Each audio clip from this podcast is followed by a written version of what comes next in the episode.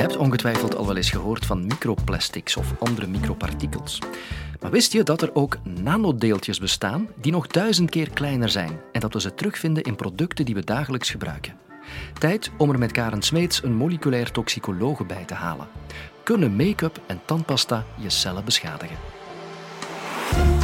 Dit is de Universiteit van Vlaanderen.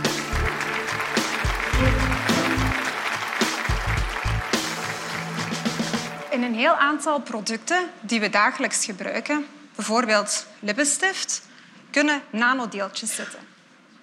En nanodeeltjes, dat zijn minuscule deeltjes, dus hele kleine deeltjes, die aan make-up of aan verzorgingsproducten of aan kleding kunnen worden toegevoegd met een bepaalde reden. In het geval van zilvernanodeeltjes is dat omwille van hun antimicrobieel effect. Dat betekent dat die zilverdeeltjes dat die bacteriën gaan kunnen doden of producten steriel maken.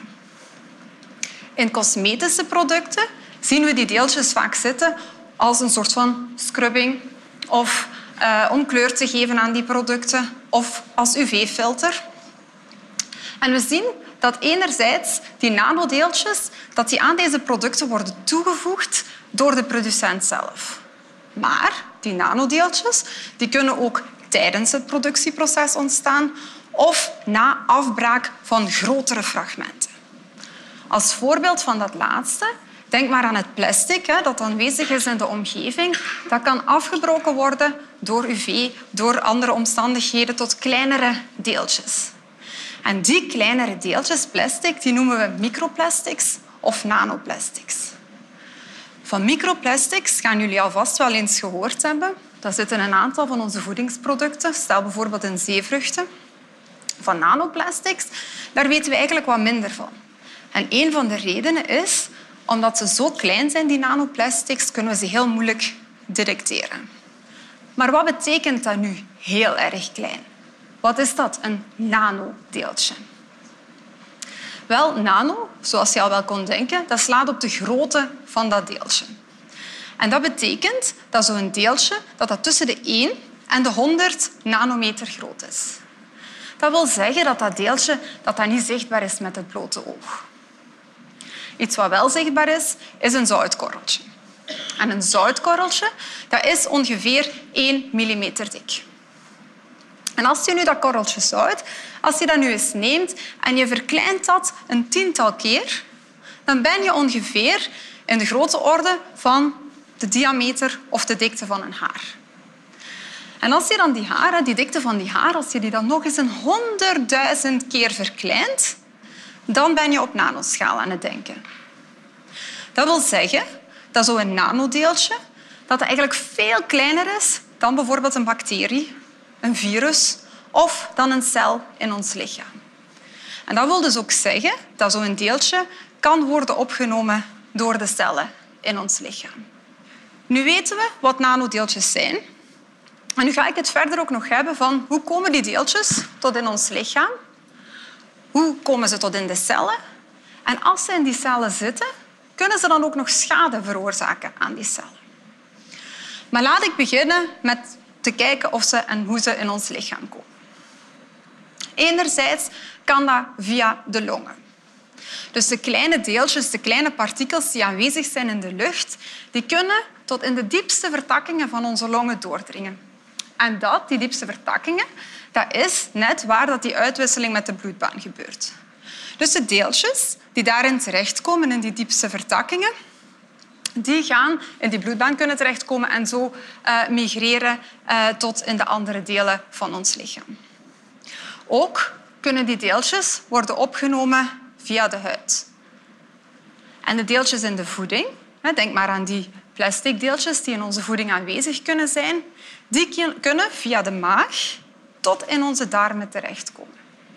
En in onze darmen is het vooral de dunne darm die instaat voor de opname van nutriënten, van voedingsbestanddelen.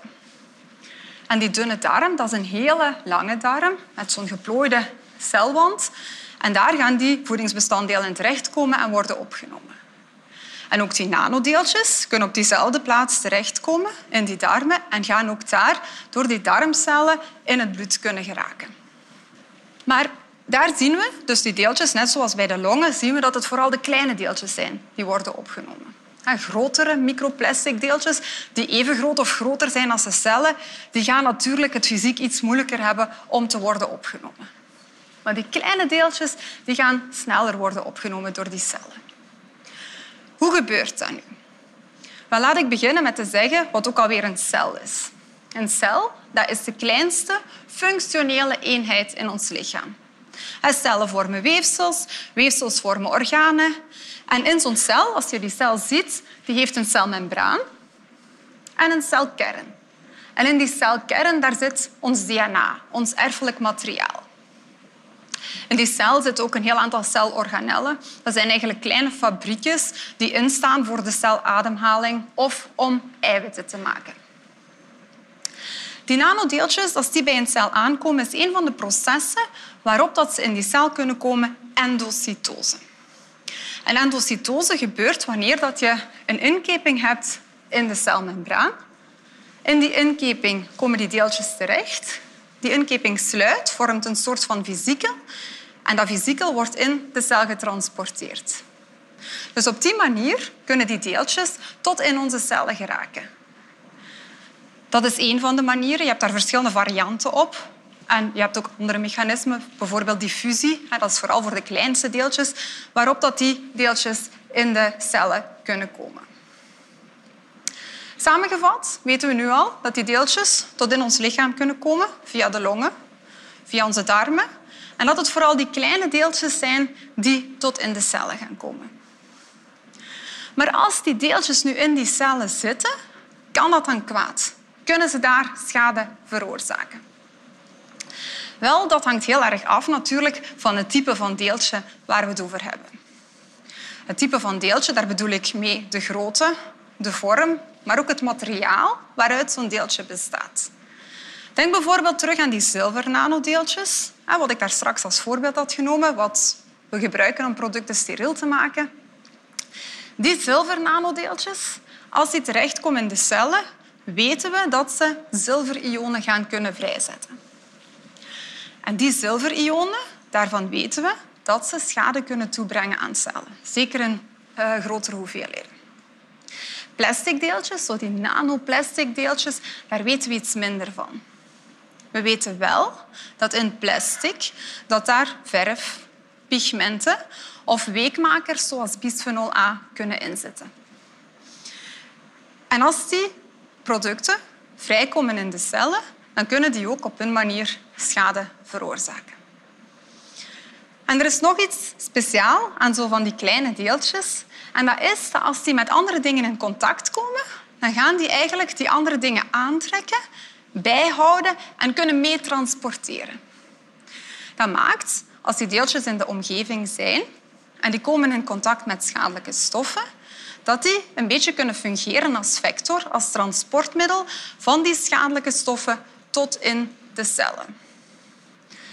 De voorbeelden die ik tot nu toe heb gegeven, hebben vooral betrekking tot het materiaal van die deeltjes of de zaken die in die deeltjes of rond die deeltjes zitten. Maar ik heb daarnet al gezegd dat ook de vorm van die deeltjes of de grootte van die deeltjes en de oppervlakte-eigenschappen ook een rol kunnen spelen.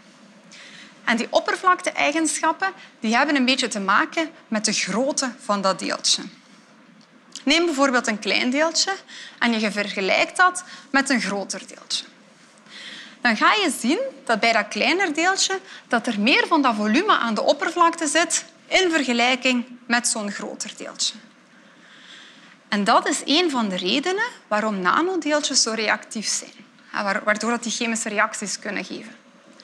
En een van de chemische reacties die gebeurt met zo van die nanodeeltjes is een reactie uh, met zuurstof. En zuurstof, jullie kennen zuurstof allemaal, we hebben dat nodig, onze cellen hebben dat nodig om te overleven. Dus dat zuurstof is altijd aanwezig in cellen en als die cellen dat zuurstof consumeren, dan gaan die bijproducten creëren. En die bijproducten, dat zijn negatieve bijproducten, die kunnen schade geven aan de cellen. We noemen dat reactieve zuurstofvormen. En normaal gezien hebben onze cellen een heel sterk verdedigingssysteem Bijvoorbeeld vitamine C is daar een deeltje van. En dat verdedigingssysteem dat houdt die productie van die reactieve zuurstofvormen onder controle. Dat is een evenwicht. Nu, als die nanodeeltjes komen, dan zien we dat je een soort van overproductie aan die reactieve zuurstofvormen krijgt. Dat evenwicht is verstoord en we hebben veel te veel van die reactieve zuurstofvormen in de cellen die dan gaan komen op plaats waar we ze eigenlijk niet willen hebben. En die reactieve zuurstofvormen die gaan de bouwstenen van onze cellen, DNA, onze vetten in de celmembraan, of eh, de eiwitten. De eiwitten dat zijn zo de werkpaarden van de cel die de functie van de cel laten uitoefenen. Die reactieve zuurstofvormen gaan die bouwstenen kunnen aanvallen. En hoeveel te meer reactieve zuurstofvormen, hoeveel te meer bouwstenen dat hun functie niet meer kunnen uitoefenen en hoeveel te meer dat die cel zelf zijn functie niet meer gaat kunnen uitoefenen. Als we dit alles nu eens samennemen en samenvatten en eigenlijk een beetje teruggaan naar die vraag kunnen die, die nanodeeltjes in die dagdagelijkse producten kunnen die kwaad voor onze cellen? Wel, dan kunnen we nu al zeggen dat dat af gaat hangen van welk deeltje. Welk type deeltje, materiaal, vorm, grootte en zo meer. En ook van de hoeveelheden waarbij dat die deeltjes tot bij ons komen. Ondertussen hebben we al heel wat deeltjes onderzocht. En van sommige van die deeltjes weten we dan ook wel weer iets meer dan van andere. Van die zilverdeeltjes weten we dat ze schadelijk kunnen zijn voor sommige celtypes. Van die nanoplastics, van die plastic deeltjes, weten we iets minder. Maar heel wat wetenschappers ter wereld zijn momenteel bezig om na te gaan wat de impact nu is van de kleine plastic deeltjes. Hier is het ook heel belangrijk dat we goed weten waar dat al die nanodeeltjes in zitten. Want vaak weten we dat ze in make-up, in verzorgingsproducten, in kleding kunnen zitten, maar weten we niet altijd welke deeltjes, in welke hoeveelheden en of die überhaupt kunnen vrijkomen. Dat maakt dat dit verhaal eigenlijk een verhaal is wat nog steeds bezig is. En dat maakt ook dat dat een verhaal is waar wij allemaal een beetje aan kunnen doen. We kunnen allemaal helpen tot een positief einde van dat verhaal. Door op een juiste manier met die producten om te gaan, door ze op een juiste manier te consumeren, door goed te registreren wat er in die producten zit en natuurlijk ook te recycleren, zodat we de verspreiding van die deeltjes in de omgeving kunnen tegenhouden. En voor zover ik weet is onze podcast alvast volledig vrij van nanopartikels en kan je ze dus naar hartelust beluisteren. Weet je al welke podcast je nu gaat beluisteren?